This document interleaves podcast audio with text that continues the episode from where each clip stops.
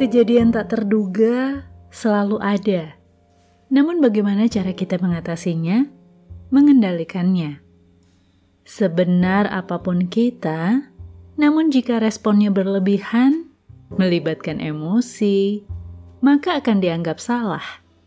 Sebaliknya, jika kita berupaya menahan diri, walau terasa sakit, tidak enak, hal itu akan menjadi kebaikan bagi semua dan orang lain juga bisa menilai pada akhirnya, bahkan akan berempati pada apa yang kita hadapi.